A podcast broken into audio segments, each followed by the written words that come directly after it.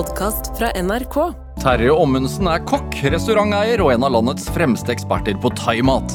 Ommundsen har jobba på noen av landets mest prestisjefulle restauranter, men også i kjøkkenet på en ubåt. I dag driver han restaurantene Pla og Ahan og lager kokebøker som viser hvor godt thaimat kan være. Dette er Drivkraft med Vegard Larsen i NRK P2. Terje Ommundsen, velkommen til Drivkraft. Tusen takk. Hvordan har du det? Veldig bra. Veldig forkjøla? Litt forkjøla ble jeg det nå. Ja. Post korona? Post korona. Er det, hvordan er det da hvis man er forkjøla? Kan man jobbe i restaurant? Etter korona så har det blitt litt mer sånn uh, at jeg holder hjemme. Ja. Vil ikke bli smitta. ja. Og hvordan går det da? da? Nei, da ble jeg litt færre på jobb. Det ble mer, mer på andre. Ja, sånn det. Er det, føles det Når var første gang du følte at det var trygt å ikke gå på jobb og jobbe en dag, og, så, la- og la de andre styre skuta? Uh, nei, i høst. Nei, det, det har vært eh, det er, det er veldig viktig å kunne stole på de som er der. Jeg har veldig mye flinke folk rundt meg, og, og hvis ikke jeg stoler på de, og ikke, så kunne jeg jobbe hele tida. Det går ikke. Nei. Men har det vært en periode hvor det ikke gikk? Hvor du følte at du måtte være til stede? Ja, mange ganger så har det vært det. Altså. Det, Ja. det er jo det med restaurant. Det er jo veldig på nå. Ja. Hvor viktig er det å, å stadig skifte ut ting og For meg så er det veldig viktig. Det er viktig å Du lager en rett, da, og så er den Du perfeksjonerer den etter hvert, og den kan være litt bedre, gjøre litt sånn og så Som for sånn. eksempel? Nei, for eksempel bare tilsette noe mer krydder, eller finner, du finner plutselig en annen teknikk på noe, Ja. og så eh, Typ forbedre den, da. Ja. Og så når du er liksom plutselig når du er kjempefornøyd med nå er den egentlig en perfekt rett, så kjeder du deg, så bytter du. Er- så hvis man har fått en favorittrett hos deg, så er den borte da uka etterpå? Det tar litt lengre tid, men eh, på plass bytter vi når det er på tide. Ja, Det er jo julebordsesong nå. Ja. Eh, Det det er lutefisk og ribbe og, og pinnekjøtt, og det er det folk går ut og spiser. Akevitt og skikkelig liksom sauser det til, holdt jeg på å si. Hvordan er det hos dere da, når dere driver thai-restaurant? For dere julebordsgjester? Ja, vi gjør det. Eh, folk som, Jeg tror veldig mange i hvert fall er kanskje på flere forskjellige julebord, og til oss så får de ikke julemat. Du får noe annet. Og det tror jeg noen ganger at man, i hvert fall når man nærmer seg jul, kanskje, at man har spist lutefisk på ett og ribbe en annen gang, og så tenker man nei, nå kan vi ha noe annet. Ja. Er det et ekstra trøkk hos dere også? Ja, absolutt. Det er den største perioden i år. Ja. Hvor, hvor avhengig er man av den perioden i restaurantbransjen? Helt.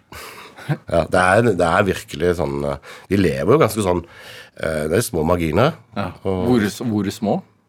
Ja, Det er det som jeg sier, at vi er liksom Tenk deg bare en rett som lages, og er vi, er vi plutselig fire kokker som står og lager den ene retten. Det tar lang tid med ting. Da. Vi er mange folk på liten omsetning. Det er mange ansatte, da. Ja. Og i jula så Så er vi like ansatte, da, men mye mer å gjøre. Så det er ikke trykk å gjøre. Men det er jo sånn vi kokker og servitører har jo et litt annet kick, så vi liker jo når det er, skjer noe. ja, Er det fordi at eh, folk drikker mer? Er det derfor det er mer eh, inntjening? Ja, nødvendigvis ikke, men det er flere folk ute. Altså, Ja. vi, det er flere folk innom. Ja. Hva, hva spiser du selv i jula? Jeg håpet jo på torsk. Det fikk jeg beskjed om at eh, hvis jeg serverte det, så kom ingen. For jeg vokste opp med torsk til julaften. Ja. Eh, jeg skal få det i løpet av jula, men men det blir ribbe i år. Mhm. Hvor ofte spiser du thaimat selv? Ganske ofte. Vi lager middag hver dag på jobb. Ja. Eller middag klokka tre. Så spiser vi alle sammen. Eh, da veldig ofte er det thaimat. og Litt for, mye forskjellig. Men jeg lager det hjemme òg. Hvis jeg plutselig får lyst på en grønn curry, så lager jeg den hjemme. og Ja. Altså det er sånn, Du driver to restauranter eh, i Oslo, Pla og Ahan, som ligger ved siden av hverandre. Jeg ligger i samme hus. Ja. Eh, som først lå på eh, ja, nede i Heggeløsveien, rett ved Litteraturhuset. Og så har dere flytta nå nylig til, eh, til hotellet Sommero. Ja. Uh, Stordalen-hotellet, svære hotell på Solli plass. Hvor, hvor Hvorfor det? Ja, det kan du si. De, de, de spurte oss om vi ville åpne der i 2018. eh, ble vi spurt. Så vi holdt på i 2019 og tenke, jeg tenkte voldsomt. og Vi var litt sånn, vi var i et litt slitent lokale og da tenkte vi å pusse opp. For meg er det veldig viktig at det, alt ser fresht ut. Og så fikk vi dette tilbudet, og så ble vi i 2019 blitt med på dette. og Jeg fikk tegne kjøkkenet og fikk være med på å bestemme alt. Så, Så for meg så ble det et litt langt prosjekt. da. Ja. Og så når korona kom, så hadde vi noe å se fram til. Hva er skummelt? Hva er utfordringene ved å bytte lo altså location? Det ble jo dobbelt så stort. Ja. Eh, ja, han ble dobbelt så stort, og så gjorde vi Pla mindre. Det vi tenkte at vi må gjøre noe annet. Jeg må ha noe, For at jeg skal også få en litt gir ut av det her, så må jeg gjøre noe nytt. Ja, men da hadde dere rukket å blitt en slags institusjon i Oslo. Dere har vært der i mange år. eh, gjort uh, thaimat til ja, fine dining. Ja. Eh, og så flytter man. Det er veldig skummelt. Og det var veldig mange som sa å, det blir ikke det samme. Så sa jeg nei, heldigvis, det skal ikke bli det samme. jeg vil ha noen forandringer, jeg tror vi trenger forandringer. Jeg, jeg, alle gjør det. Ja. Uh, og jeg så på det bare som noe bedre. Jeg fikk med meg en del gode folk, og vi har fått masse ja, bra ansatte da, som er med. ja. Veldig. Hvordan er en vanlig dag for deg på jobben? Når begynner du? Nei, det er, jeg flekser litt, så så jeg begynner Jeg er ikke sånn veldig morgenfull. Men jeg er ofte Hva vil det sånn, si? Jeg er oppe sånn 9-10. Ja. Jeg er på jobb sånn i 10-11-tida, kanskje. Må gå tur med hunden først. Ja, det gjør jeg òg. Av og til. Og så jeg eh, Og så spiser vi middag klokka tre som hele personalet. Ja. Hva, hva, som personalmat? Personalmåltid. Hvem lager den? Det byttes på. Ja. Men det er presis klokka tre, så er det middag. Hva, hva spiser dere? Vi har taco av og til. Vi har eh, ja, ja, det er Meksikansk, også? Meksikansk. Ja, ja, vi har jo Vi har ikke meksikanere hos oss nå, men vi har fra Colombia. Vi har ganske mye forskjellige nasjonaliteter. Ja. Så vi lager litt for, mye forskjellig. Hvorfor er det sånn at det er mange forskjellige nasjonaliteter? Det kan du si det har vært vanskelig å få tak i folk eh, til bransjen, men så er det veldig mange som ser at det søker seg til Norge, for det er liksom Vi har det fint her. Ja.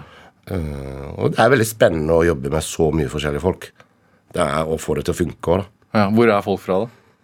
Ja, vi hadde, når vi åpna i Hegd... Nei, på sommeren så var vi 40 ansatte, og vi hadde 19 forskjellige nasjonaliteter. Wow. Det er litt utfordring.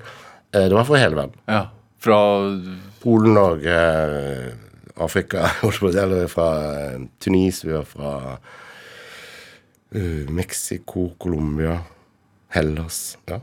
Thailand. Thailand, ja, selvfølgelig. Kina. Hva gjør det, da? Med, med en gruppe? For Man må jobbe litt mer med det. Man må snakke litt annerledes til folk. Men det er liksom det, det jeg ser, at det, på et kjøkken må, eller på en restaurant så må alt funke. ja. Uh, og man må jobbe sammen. Hva vil det si egentlig at alt må funke? For det må det jo i arbeidslivet ellers også, men Ja, men er, du har veldig sånn korte tidsfrister, for det var, den maten skal ut til det bordet. De skal ha det nå, de skal ha maten, de skal vite eh, alt mulig. Og det må bare gå på skinner, så ikke får vi klage. Eh, og da må alle kommunisere med hverandre på et eller annet vis. da. Og det å få det til å funke når det er så mye forskjellig, er veldig gøy når det, når det funker. ja. Er det er, er, er, Driver man nå, øh, restaurant på en egen måte i Norge, eller er det universelt? Ganske universelt. Vi er nok vi er ikke så Jeg, jeg jobba i Sydney, hvor det var ganske stygt. Uh, Hva vil det si? Nei, det var, det var ingen samarbeid, jeg syns. Det var veldig sånn du er, Det er min benk å holde unna. Ja. det. I Norge så samarbeider jeg nok litt mer Sjef og ansatt er litt mer viska ut her, da. Kanskje. Er, liker du det? Ja, jeg gjør egentlig det. At det er liksom Til en viss grad. Ja. Hva, hva skje, altså, hva, hvorfor er det viktig å ha fast måltid klokken tre? Det har vært veldig viktig for meg hele tida at hvis alle setter oss ned og spiser sammen, uh, snakker om noe annet Vi har ikke personalmøte den dagen, Nei. eller klokka tre. Da går vel mobiler, og det snakker og ler, og vi alle er, er sammen. Så jeg, jeg ser det som faktisk noe av det viktigste i løpet av arbeidsdagen. tror jeg. Ja, Hvorfor det? Nei, Vi blir samla, vi snakker sammen, vi blir venner og har det hyggelig sammen. Ja. Jeg øh, jeg hadde Jon Hammersmark her om dagen, som, som har vært i Forsvaret i mange år. Han snakket om verdien av øh, en lagfølelse. Mm. Hvordan bygger man lagfølelse på et kjøkken? Nei, det er å inkludere alle i ting, og, og sånn mestring, ikke sant. Sånn, jeg har jo også gitt beskjed om at jeg ser når vi spiser, at kan jeg, vi har plau og han, kan jeg, kan jeg blande dere? Sånn at vi alle er et team. Ja. Hæ. Og når, kommer, når er det første servering? I Ahan så begynner vi fire, mens i Pla så er det halv syv. Ja. Hvordan, prepper, er, hvordan forbereder dere dagen? liksom? Hvordan ser en vanlig dag ut? Nei, det, vi har to kokker som vi har, som begynner tidlig. Og så har vi resten kommer sånn ett-to-tiden. Og så jobber de bare fire dager i uka. Så vi har litt mer fri. Litt lengre dager. Ja, Hva er viktig å preppe først? Eh, store ting først, og så kan man plukke urter når vi åpner. Det er pausearbeid. Og Hva skiller din restaurant, føler du, fra andre? Nei, vi er jo veldig annerledes. Vi lager jo thaimat, men vi bruker jo så, så Det er det mange av i landet. Det er mange thaisteder, thai-steder, men det er ingen som lager Vi lager currypasten helt fra bunnen av, som tar forferdelig lang tid. Ja. Uh, og det er en helt annen måte å lage mat på. Det er veldig mange kokker som er veldig redde for å komme til meg, for at uh, det, du opplever ting du ikke har sett før, liksom. Som for eksempel. Det er grønnsaker, thailandske grønnsaker, som urter som du aldri har sett for Grønnsaker du ikke vet hvordan de smaker, eller hva du skal gjøre med dem, på en måte. Ja, Som for eksempel. En sånn erteaubergine, som en liten aubergine, som er bitter og, og rar. Den må kokes, hvis ikke så er den ikke noe god. Uh, papaya kan jo være en sånn du er moden og umoden og du, til forskjellig bruk. Hvordan kjenner man det? Nei, du ser det på, du ser det på dem. Den er grønn. Den er grønn, veldig grønn, den andre har. Mens den andre er jo, den er oransje inni, så er den jo søt igjen. Ja. Da bruker du til dessert. Men det er mange som, som ja, kvier seg kanskje litt for å gjøre det, for de tenker at uh, man må lære alt på nytt igjen. da. Og vi har andre teknikker, og, og det er en helt annen måte å lage mat på enn et italiensk kjøkken, kanskje. ja.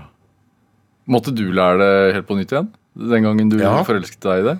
Ja, jeg jobba jo Eller det var en måneds tid hos en gammel dame oppe i Nord-Thailand.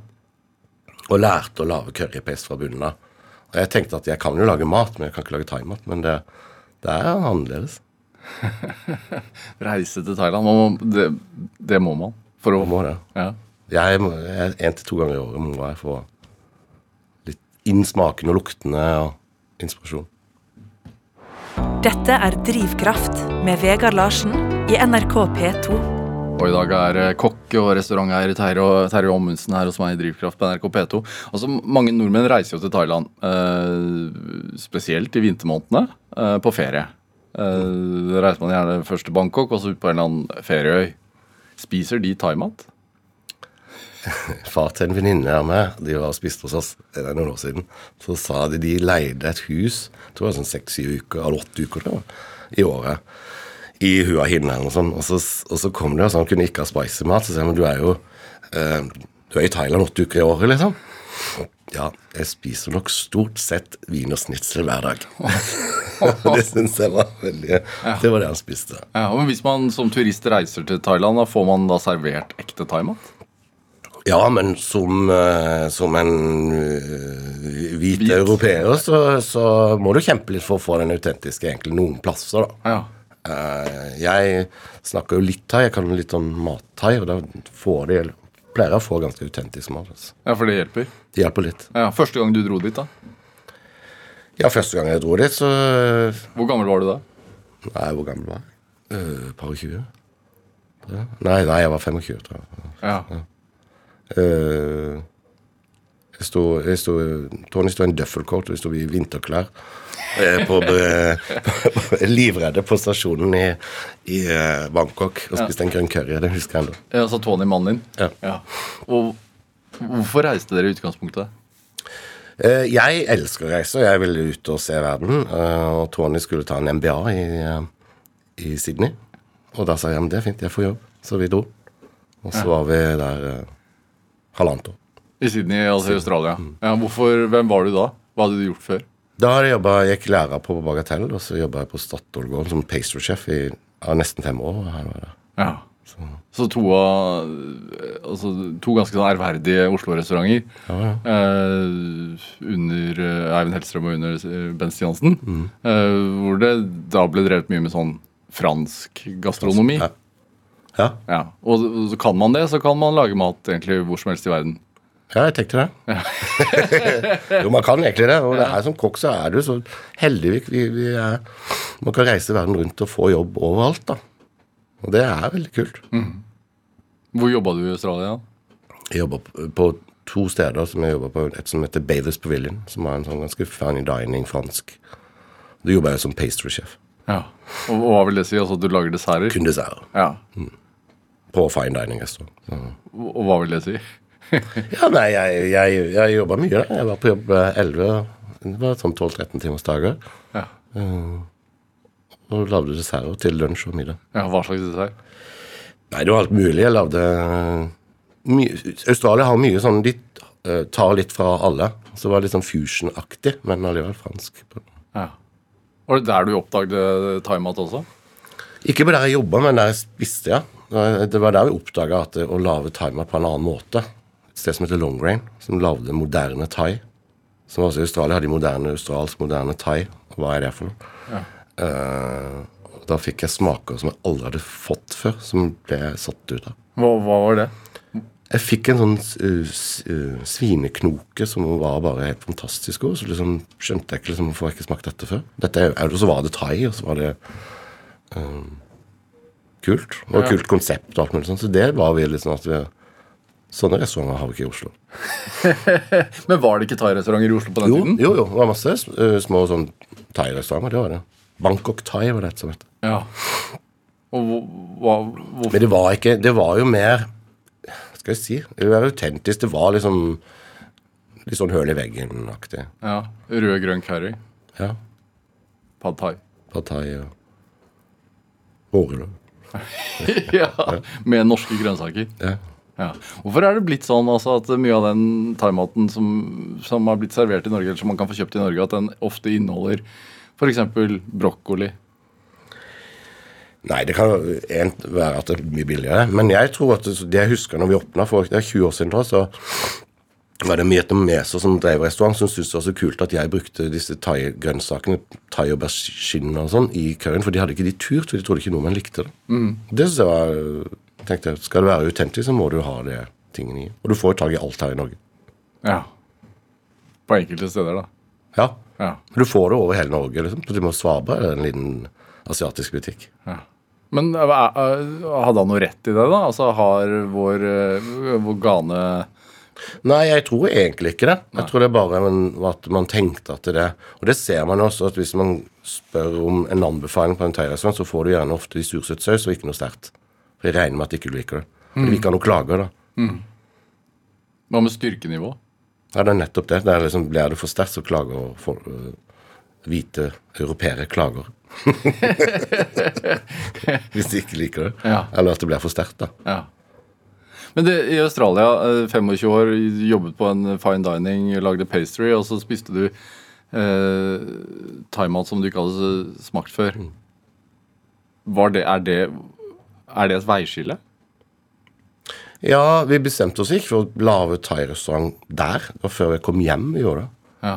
Uh, men det var, jeg oppdaget noe nytt. at liksom Jeg tenkte jeg har jobba som ti år som kokk. Og, og jeg var 30 da når vi var i Australia. Jeg var ti år uh, som kokk og tenkte jeg kan jo, jeg har jo smakt ganske mye. Så plutselig hadde jeg ikke det. En stor verden der ute. Som åpnet seg? Ja. Ja. Hva gjør man da? Nei, det er da man hjem og åpner restaurant og dra til Thailand og lære seg å lage curry. Hvordan kan du ikke ta meg med på den reisen og reise til Thailand for å lære seg å lage mat?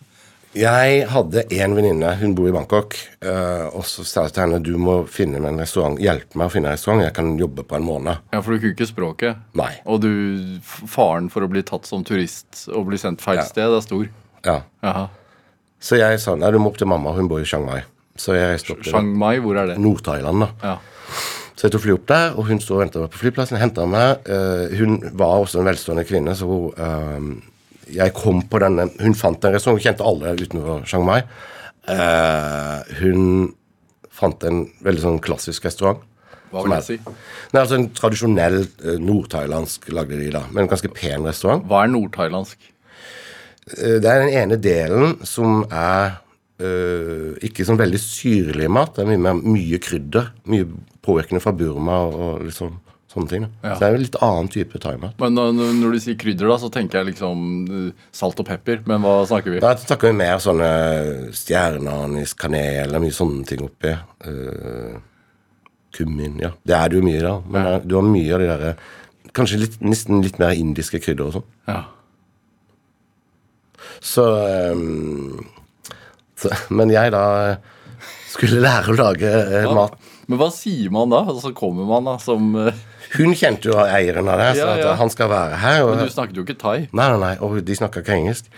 Så Hvordan var første dag?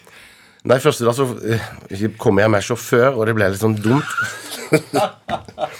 Så bare sett deg ned her, et glass vann, og jeg fikk det, jeg fikk det der dyre vannet og ikke det billige vannet som alle kokkene drakk. Så jeg, brukte, jeg husker jeg brukte et par dager på å forklare at ja, men jeg, jeg skal også skrelle hvitløk, jeg skal gjøre de der kjedelige tingene. Ja. Uh, så de skjønte etter hvert at det, at det var ikke bare en sånn som skulle sitte og se på. Og så lærte jeg å lage av hun gamle damen, Uh, som lærte meg å lage currypaste uten å kunne snakke sammen. Så hun viste meg, men, og jeg skrev oppskrifter, så var det en thaiøse, en thaiskje. Så ikke jeg kjøpte de på markedet. Ja, for det er annerledes eh, måle... Nei, var bare tenkte jeg, da er det en måleenhet som jeg kan huske, og så kunne jeg veie det og lage det oppskriften min sjøl. Hvordan lager man det? Nei, du begynner jo med chili. Uh, chili og galangal, sitrongress, hvitløk, chili. Nei, hvitløk og skjortløk. Ja. Det er en base, da. ja. I olje? Nei, som du, du kutter og, og bruker morter, da. Ja, så En god, stor steinmorter, og så står du der Hun satte seg på trappa i en halvtimes tid og morta currypaste. Så det er helt fascinerende. Og òg det at vi ikke Vi smakte sammen. Vi kunne ikke snakke sammen, men vi smakte mat sammen og lo sammen. Og det var en veldig fantastisk opplevelse. Og Og du- veldig Det var jo det som forandra hele meg, hva jeg har drevet nå de neste 20 årene. Ja. Hvorfor det? Hvorfor var det så skjell... Altså, var det skjellsettende? Nei, det å lære av noen når du ikke kan snakke sammen òg, var jo veldig sånn du ble, du ble veldig fokusert, da. Ja. Hva tror du hun tenkte? Ja, hun så jeg var interessert, og jeg, var, jeg satt også og skrelte hvitløk etter hvert. eh, Og vi ble gode venner. Eh, Jeg var der forresten i fjor, eh, og hun var der enda. ja. Det var veldig rørende. For det, har, det er det vi Ja. Etter det så har jo jeg kommet hjem og starta restaurant, og, og tenkte også at jeg, tenkte etter dag to at det der her har jeg driti med, nå må jeg legge ned. For at eh, jeg skjønte ikke Jeg kan lage thaimat nå, men jeg kan ikke lage restaurantmessig. Men vi fikk det til, da. Eh, så det, det, det tok litt, litt tid, da. Ja. Men uh, Hva så, hvordan er, var det på den restauranten? Altså, når du skisserer at en gammel dame sitter utenfor med en kjempemorter i en time og, og Ja. lager currypaste på morgenen. Hva serverte de? De det veldig klassisk eh, Nord-Thailand? Nordthailandsk, og da er det veldig ofte flere retter. Du, du spiser aldri én rett, du har liksom fire-fem, kanskje, som du deler. Og da har du gjerne en sånn chili relish, som er en sånn chili paste-aktig, som du har gjerne svinesvor eller grønnsaker å dyppe i. Du har en curry med enten kjøtt eller noe fisk, så har salat. Og ris selvfølgelig er superviktig. Mye hjerte, da. Veldig mye hjerte. Veldig mye eh, glede i det, og, og, og legger veldig mye stolthet i, i maten. Det syns jeg har vært kanskje mest fascinerende av thai-kjøkken. Den ja. stoltheten de har i hva de lager. Hva er forskjellen på en indisk og en eh, thai-curry? Eh, Grovtrekk er at i indisk curry så er det veldig ofte bare tørre krydder. I thai så er det eh, ferske krydder, altså som sitrongress, galangal og sånne ting. Det er mye friskere.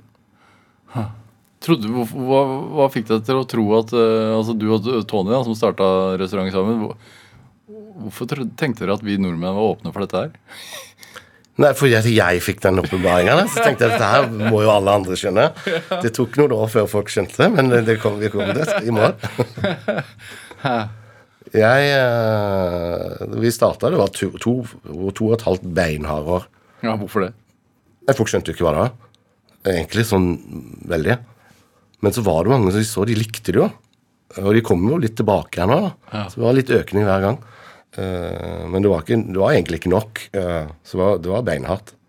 Ja. Og så løsna det plutselig. Måtte du forandre ting i starten? Ja, vi, vi kalte det Jeg hadde også sånn småretter som vi kalte Thai street food i 2004. Eh, det skjønte folk ingenting av. Hvorfor det? Nei, Du visste ikke hva det var. ikke Nei, hva var det da? Nei, det var bare småretter. ikke sant? Eh, Så vi tenkte barsnacks, liksom. Og så eh, tenkte jeg at når jeg hata det ordet Vi kalte det for thai-tapas. For da tenkte jeg da skjønner folk det. Eh, så kalte vi det i ja, litt over et år, tror jeg, så tok jeg det vekk. Eller to år, var det kanskje, som thaitappa. Så tok vi det vekk igjen, og så kalte vi det street food. Ja. Så jeg følte at vi lærte folk litt opp, da. Også det vi kjørte Riesling til i det. og Folk ville jo ikke ha Riesling heller, men jeg fant jo at det passer til, og det må vi drikke. Hvorfor passer det? Syre og sødme funker bra til, til litt spicy mat. Ja. Hvor, sterk er, hvor sterk var din mat uh, i starten i forhold til det du fikk servert i Thailand? Nei, vi, I Norge så må vi justere oss. Uh, For du kan ikke servere thai sterkt, liksom. Vi har muligheten til å gjøre det. Men jeg syns at sånn i Han og sånn, så har vi noen retter som skal være sterke, og de er sterke. Eh, Men å kjøre sånn super spicy, det, det funker ikke altså, helt. Hva er gleden med det, da? Er det ikke, da smaker du bare sterkt. Det kan gjøre det, altså. Ja. Jeg synes at hvis du Det som er med thaimat, er å få en balanse i det. Ja. Og har du riktig balanse, så kan du tåle litt høyere level på styrke. Mener jeg. Ja. Hvor, hvor ligger du på skalaen fra 1 til 10? Jeg liker sterk mat, men jeg liker ikke altfor sterkt. Jeg svetter fort når jeg får sterk mat, men det gjør meg ikke noe. Ja. Jeg har en kollega her som, som er gift med en fra Thailand, og, og han sier at, uh, at det er nesten som en sånn kroppslig opplevelse. Fordi at man spiser det og svetter og må nesten lære seg å puste riktig. Ja. Jeg beskrev i boka, første boka mi eh, eh, hvordan det er med å spise en tom yam goong, som er en sterk, syrlig rekesuppe. Som er ganske spicy, men den er så god. Og så er den frisk, syrlig. Den, er, den, den har liksom alt. Det representerer thaikjøkkenet veldig. Og jeg sa at du spiser den, og så får du den Du svetter, og du, svetten renner, og det er, det er litt ubehagelig. eh, og så gir du deg litt, og så eh, Svettetokkene gir seg. Og så tenker du ah, litt til. Og så tar du en skje til, og så er du på den igjen. da. Og det føler jeg er sånn med thaikjøkkenet. Du vil alltid ha litt til. Det er liksom, det er noe kick med det. altså. Hva er grunnen, tror du? Jeg vet ikke. Jeg tror det er Nei, jeg tror det er også balansen på ting.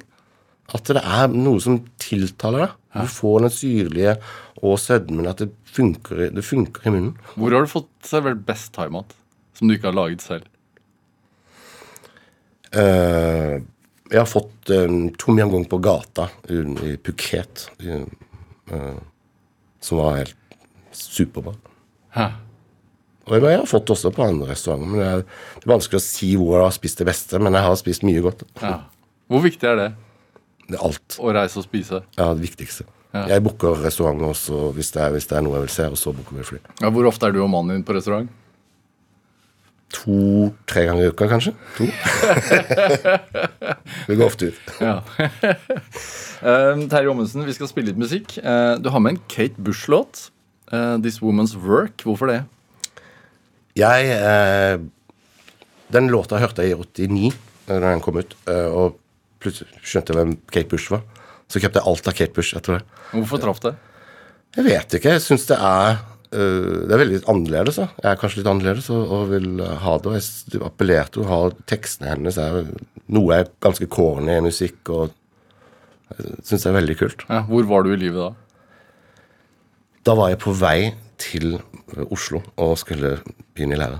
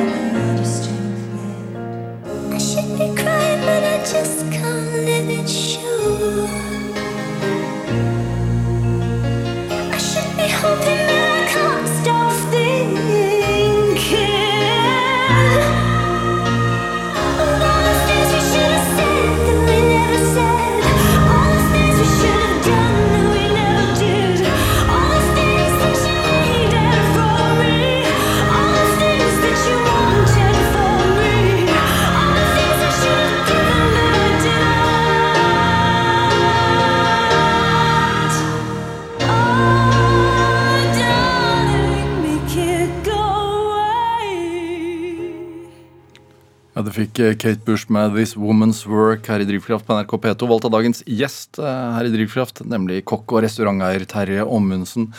Så at du hørte den første gang på, på bussen til Oslo eh, da du skulle begynne i læra.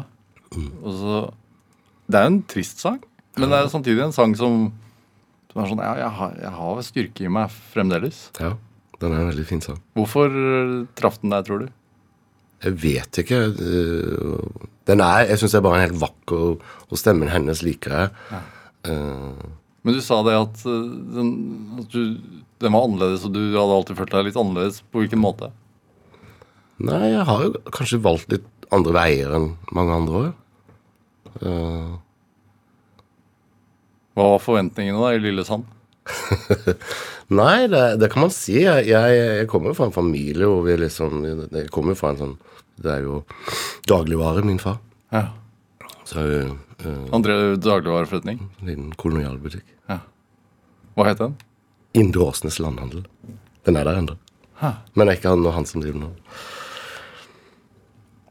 Men uh, Nei, jeg, øh, jeg begynte jo å lage mat, og det syns jeg var veldig gøy. da. Ja. Så har alltid likt det. Hvordan hvor, Det å vokse opp i en, en familie hvor man driver dagligvareforretning, hvordan preger det barndom? Du spiser mye datovare. Lest ting som har gått ut på Alt som har gått ut på dato. Du lukter aldri lærer, lukter alltid på melka før den. Uh, nei, det var, det var en liten butikk som jeg eh, vokste opp i, og vi uh, jobba der. Sto i flaskene sommeren. Og det var alltid noen som måtte, trengte jo hjelp, da. Så var, jeg var vant til å stå og prise varer. Og, så jeg var ganske ung. Hadde, hva slags rolle hadde den butikken i, i Lillesand? Det var i en bygd. Så det var en ganske viktig liten butikk i en bygd i Høvåk utenfor Lillesand. Ja, hvor mange bor der? Jeg vet ikke, søren, noen hundre. Ja. Men det, var, det ligger ved sjøen, så var også om sommeren båtturistene kunne gå og kjøpe varene sine. Hvordan var det hjemme hos dere? da? Jo, det var, var bra. Vi, eh, vi spiste alltid mye. Sjømat? Sjømat. Ja, jeg vokste opp med fisk eh, hele tida. Eh, jeg var ganske lei av fisk, faktisk. Eh, jeg tenkte når jeg flytter til Oslo, så skal jeg ikke spise fisk på en stund. Er det ikke lov å si? Nei, det, nei men det, det, er det er bytta. Eh, så jeg er, veldig glad, jeg er veldig glad i fisk nå. Det ser deg jo. Og jeg og broren min slåss jo alltid om nakkestykket hvis det var fisken. Ja. Halen gikk til katten. Hvem var du, da? Hvem var jeg? Nei, jeg, eh, jeg lagde kaker. Jeg var veldig glad i søte ting. da. Så jeg, Det var sånn jeg begynte å lage mat. Ja. Hvor, hvor, hvor tidlig fikk du fritt rom på kjøkkenet? da? Jeg fikk, jeg, jeg fikk den der Mickey Mouse-kokeboka, og den tror jeg jeg brukte opp hele. så jeg var tidlig, og jeg likte, jeg likte det, spesielt å bake og sånn. Ja. Sånn det begynte, egentlig. Sammen med mor, da, siden mor, far var på Ja, far eh, han lagde biff. Det var greia. Eh, men, men det var det som var Og jeg tenkte faktisk at jeg kanskje skulle bli baker. Og så var det mamma som sa bli kokk. Eller det er jo kanskje det. Baker er litt ensomt. Du står på natta alene. Skolen, da? Jeg tok videregående. eh, og da jobba jeg da ved siden av på hotellet i Lillesand. Det var der jeg fikk at jeg skulle bli kokk. Med en som heter Arnt. eh, så, og jeg hadde snakka med henne, og hun var veldig opptatt av at jeg, skulle gjøre lekser nå. Så jeg hadde satt i baren og gjorde lekser. Så jeg var der nesten hver dag. Så jeg gikk fra skolen ned, eh, gjorde lekser i baren, og så jobba jeg litt. Og så gikk jeg hjem. Men hvorfor begynner man å jobbe så tidlig? Eller hvorfor begynte du å jobbe så tidlig? Det var en sånn arbeidsuke eller noe sånt, jeg var i 9. klasse. Ja. og noe sånt. Så jeg var utplassert. Og så tenkte jeg at jeg hadde ikke lyst til å jobbe i butikken til fatter.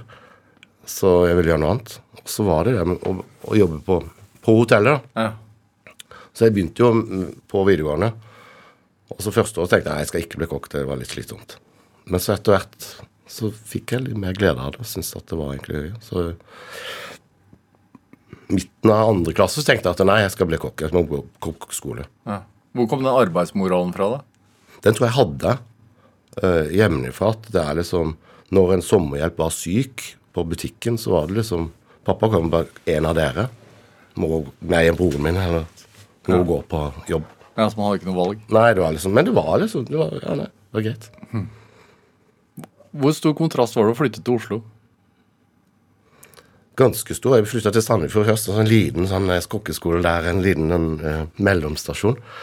Uh, jeg elska det. Jeg elska å reise. Jeg elska storbyer. Jeg syns det var fint å komme Ja. å være litt anonym i byen. Og ja. Var det noe homofilt miljø i Lillesand? ganske dårlig. Ja. Så det var, Og det var ikke derfor jeg egentlig flytta, men det var det klart at det var jo eh, Du opplevde jo plutselig noe helt annet her. da. ja. Det å bli sett, og at det var greit. og sånn. ja. Var det ikke greit? Jo, kanskje det at jeg trodde det ikke var greit. da. Ja. Mer. Hvordan fikk du en fot innenfor uh, Hellstrøms bagatell, da? Det var jo ikke Det hang jo høyt. Ja, det var egentlig han Arnt da, som, som uh, drev hotellet. Han sa til meg han, De hadde ikke barn, så jeg ble litt sånn liten sønn. Jeg ble en kokken han ikke ble. Eh, så han, jeg fikk tilbud om på eh, eh, Rika Oslofjord. Og så tok, kjørte han fra Oslo til eh, Nei, fra Lillesand. Henta meg i Sandefjord, dro til Oslo. Det var på intervju. Og så var han etterpå Nei, du kan ikke gå på det her. Så vi går og spiser en tur i byen når vi først er her. Og så tok han meg med på Bagatell. Så han drakk Farris, og jeg drakk en halv vinmeny. Og spiste meny. Og så sa han etter hver rett at eh, dette, dette lærer du ikke på Rika Oslofjord. Dette lærer du ikke. Og så sier var ferdig målt, Du skal begynne, her skal du begynne å lære. Så nå får du bare ringe han og si at du har bestemt deg for det. Og det skal du si. og det gjorde jeg.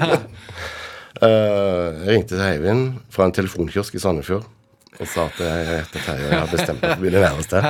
Hvor nervøs var du da? Veldig. Og jeg sto i den telefonkiosken, og han svarte ja vel. Så ble jeg helt stille. Og så fikk jeg sagt litt hva jeg har gjort, og hva jeg ønska. Ja.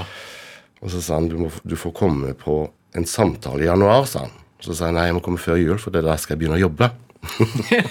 så, så jeg var litt bestemt. da. Så jeg kom inn og fikk jobb. ja. Hvordan var det?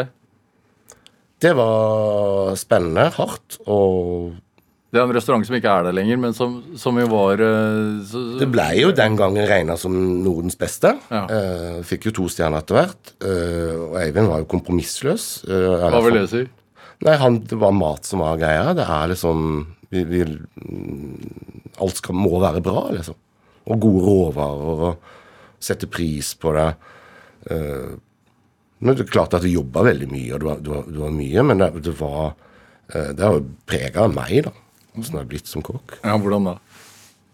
Jeg har en Hellstrøm på skuldra av og til, så jeg kan nok være eh, Jeg husker noen sitater fra han som jeg syns var litt teite, og som jeg har brukt igjen da. Som for eksempel? Jeg husker jeg sto en gang med en bolle, jeg skulle røre inn noe krem, så tok jeg en, en spann, og så, og så eh, rørte den kremen inn i den spannen, og så sier han hva er det du gjør for noe? Vi har store, flotte aluminiumsboller og store visper, så du skal stå med grasiøse bevegelser og være stolt av hva du gjør. og Vennene i den krimen jeg syns bare han var teit. Altså. For jeg tenkte jeg skulle ha den kremen nå. Men i ettertid så ser jeg jo det. Du er stolt. Bruk utstyret du har der. Og det har jeg stått og sagt til noen andre kokker. Og innsett etterpå hvor det kommer fra? Ja.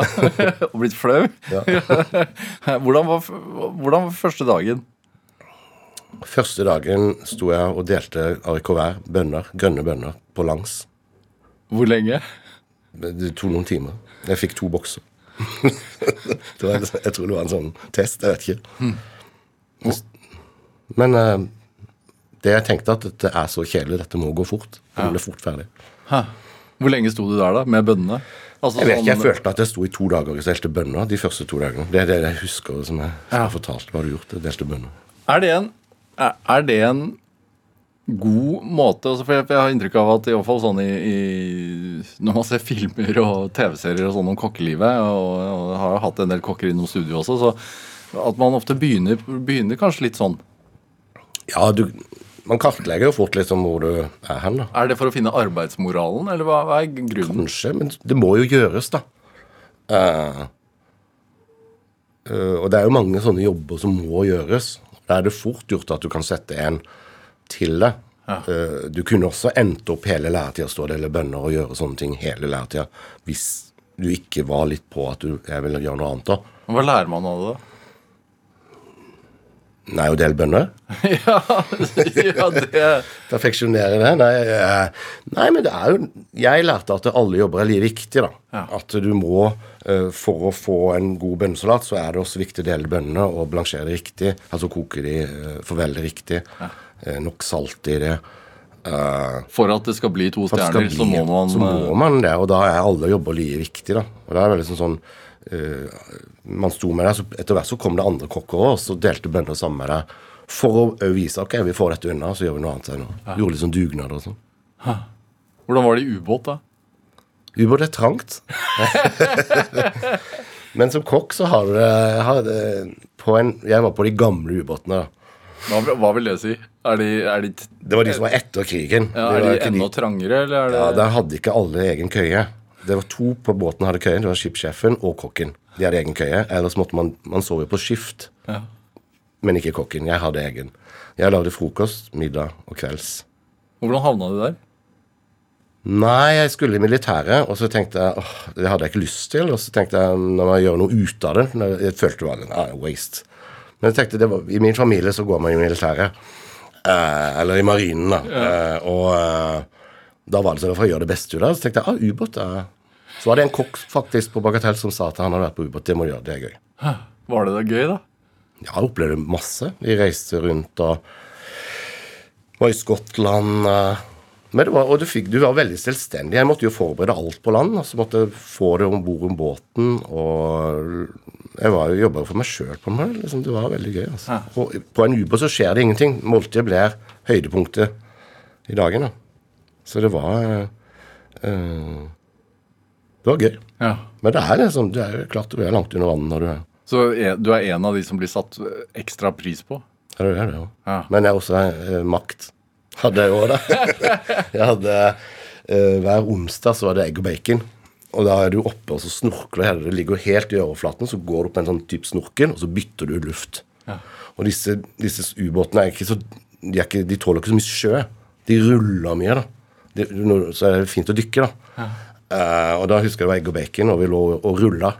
Uh, og jeg sier bare at uh, Og holdt på å bytte ut luft. Så sier jeg, og da måtte jeg holde meg fast, og eggene forsvant opp av panna. Eh, så sa jeg, jeg nei, det her gidder jeg ikke. Da ruller det bra. ja, det rulla sånn at eggene hoppa ut av panna, og så ble jeg så forbanna. Så sier jeg at eh, det ble ikke egg og bacon nå, før eh, når, vi, når vi ligger her oppe. Og så bare hørte jeg på seg over hele bunnen. Avslutt snorken ned på 50 meter. Det var det, var det viktigste. Den eh, trangen etter å oppleve Altså det å Ubåt er jo en ting, det å ønske seg det, fordi jeg tror de færreste ønsker seg å være i en ubåt. Hvor Hvor lenge er man nede av gangen? Nei, vi, var, vi var på tokt. Jeg har vært 14 dager ute. Ja. Men du er jo under vann lenger, da. Jeg Ja. syns det var deilig av og til å se. Kan jeg se periskopet og se himmelen? Hvordan er det, da? Jo, det var det deilig å komme opp, og når du da eh, til kai og sånn, så får du se himmelen igjen. Det er fint. Men reiselysten, altså det å oppleve det å, ja, ja, da flytter vi til Australia. Altså, nei, nå drar jeg til Thailand for å lære. Hvor kommer det fra? Begge mine foreldre var til sjøs når de var yngre òg. Så mamma har alltid vært veldig sånn at det er ut og reise i verden. Hæ? Det er viktig. Du lærer, du lærer noe av det. Alltid. Se andre mennesker, se andre kulturer, få forståelse. Jeg syns det er utrolig viktig. Ja, hvorfor, hvorfor, hvorfor tenker du Altså, hvorfor er det det, tenker du? Nei, Vi lærer noe av alle, syns jeg. Og det synes jeg man, og det å respektere hverandre. Som, som jeg sier, vi er 19 ansatte. 19 forskjellige nasjonaliteter. Og få disse, Vi må respektere hverandre, uansett hvor vi er fra. Hva har du lært om thailandsk kultur, da? Jeg er stolthet. Og spesielt av maten. Som ikke er Og så har de veldig høflig Det synes jeg også Det er det eneste språket som har ikke ordet nei. Ja, De klarer ikke å si nei. De sier ikke ja. Hva betyr det, tenker du?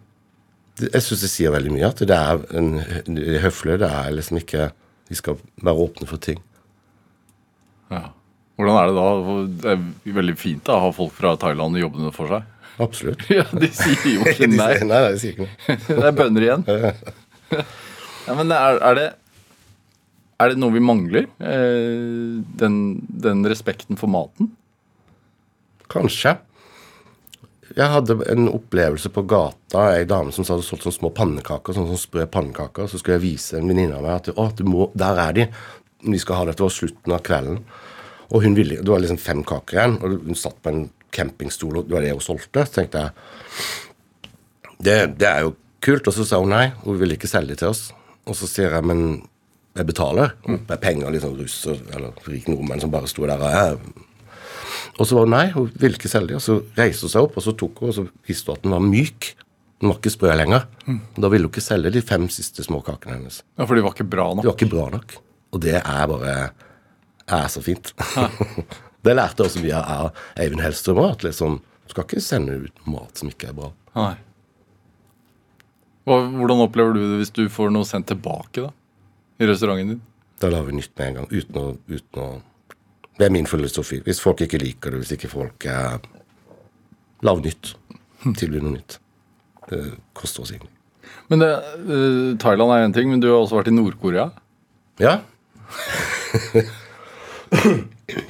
Jeg begynte å løpe. Det var kanskje en sånn 40-årskrise. Eh, og så fant jeg ut at jeg skulle å løpe maraton. Hva kommer en 40-årskrise av? Nei, gudene vet. Hvordan merker man det? Nei det, nei, det er det. Man tenker at nå blir jeg 40 når jeg blir gammel. Uh, så må man gjøre et eller annet. Jeg tenkte at jeg måtte uh, slutte å røyke og uh, gjøre noe sportslig. Ja. Men jeg fikk, fant en glede i å løpe. da. Litt sånn terapiaktig, nesten. Eh, og så fant jeg plutselig at Nord-Korea Jeg har alltid vært fascinert av det, hvordan det funker. Eh, og lest mye av de bøker, folk som har rømt derifra. og sånn.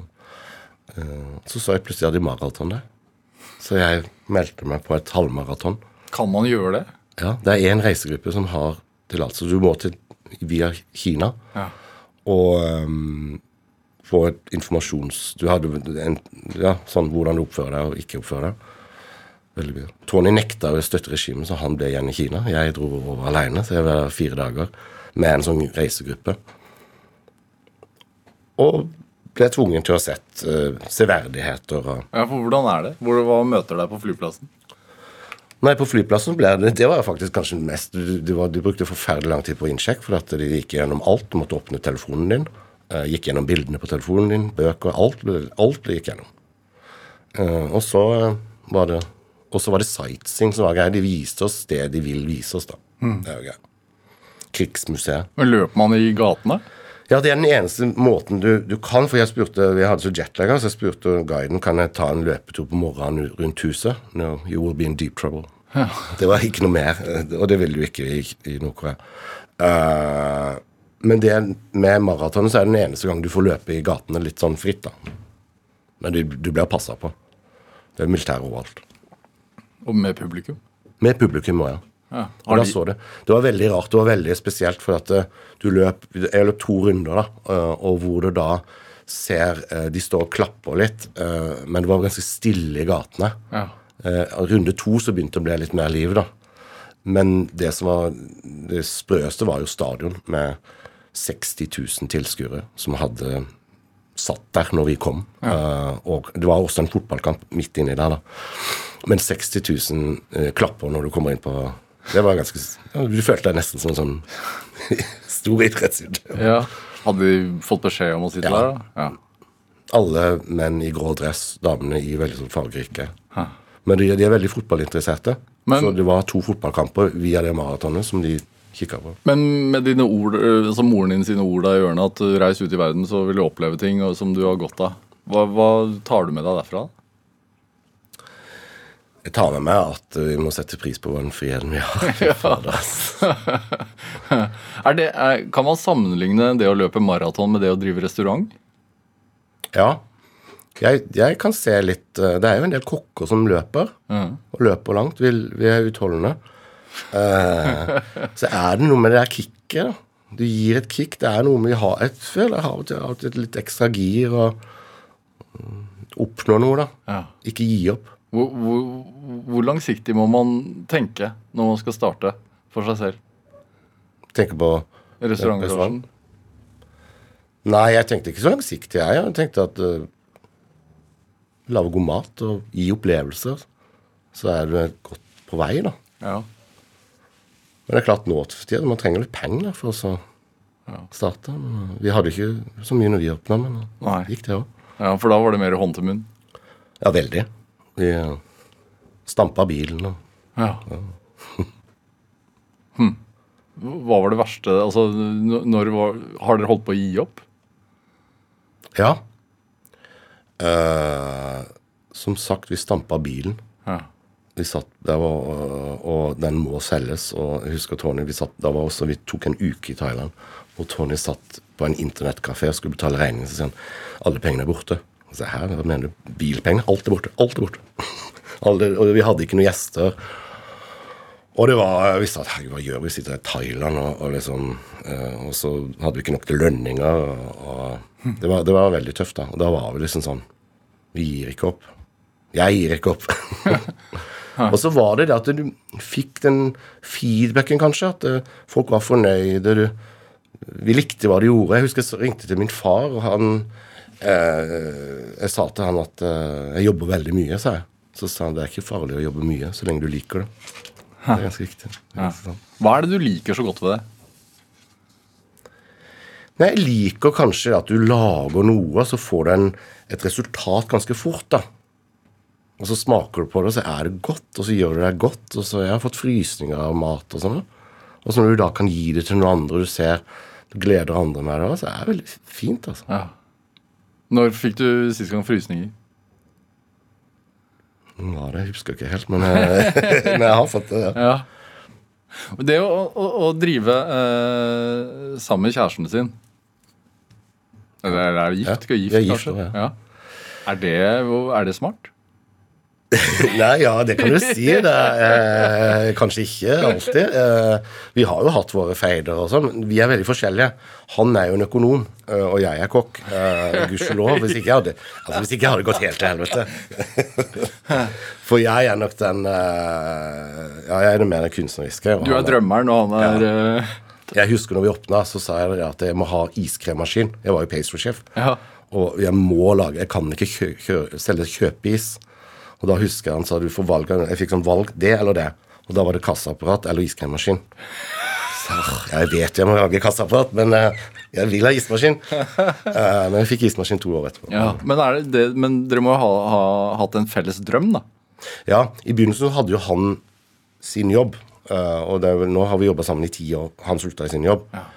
men han er litt mer Han står opp tidlig om morgenen eh, og er din administrative, så vi er ikke liksom oppå hverandre hele tida. Men det blir mye jobbsnakk hele tida. Ja. Det det. Er en livsstil. Ja. Så det blir som å løpe en maraton sammen. Ja. Det er jo fint, da. Ja, ja.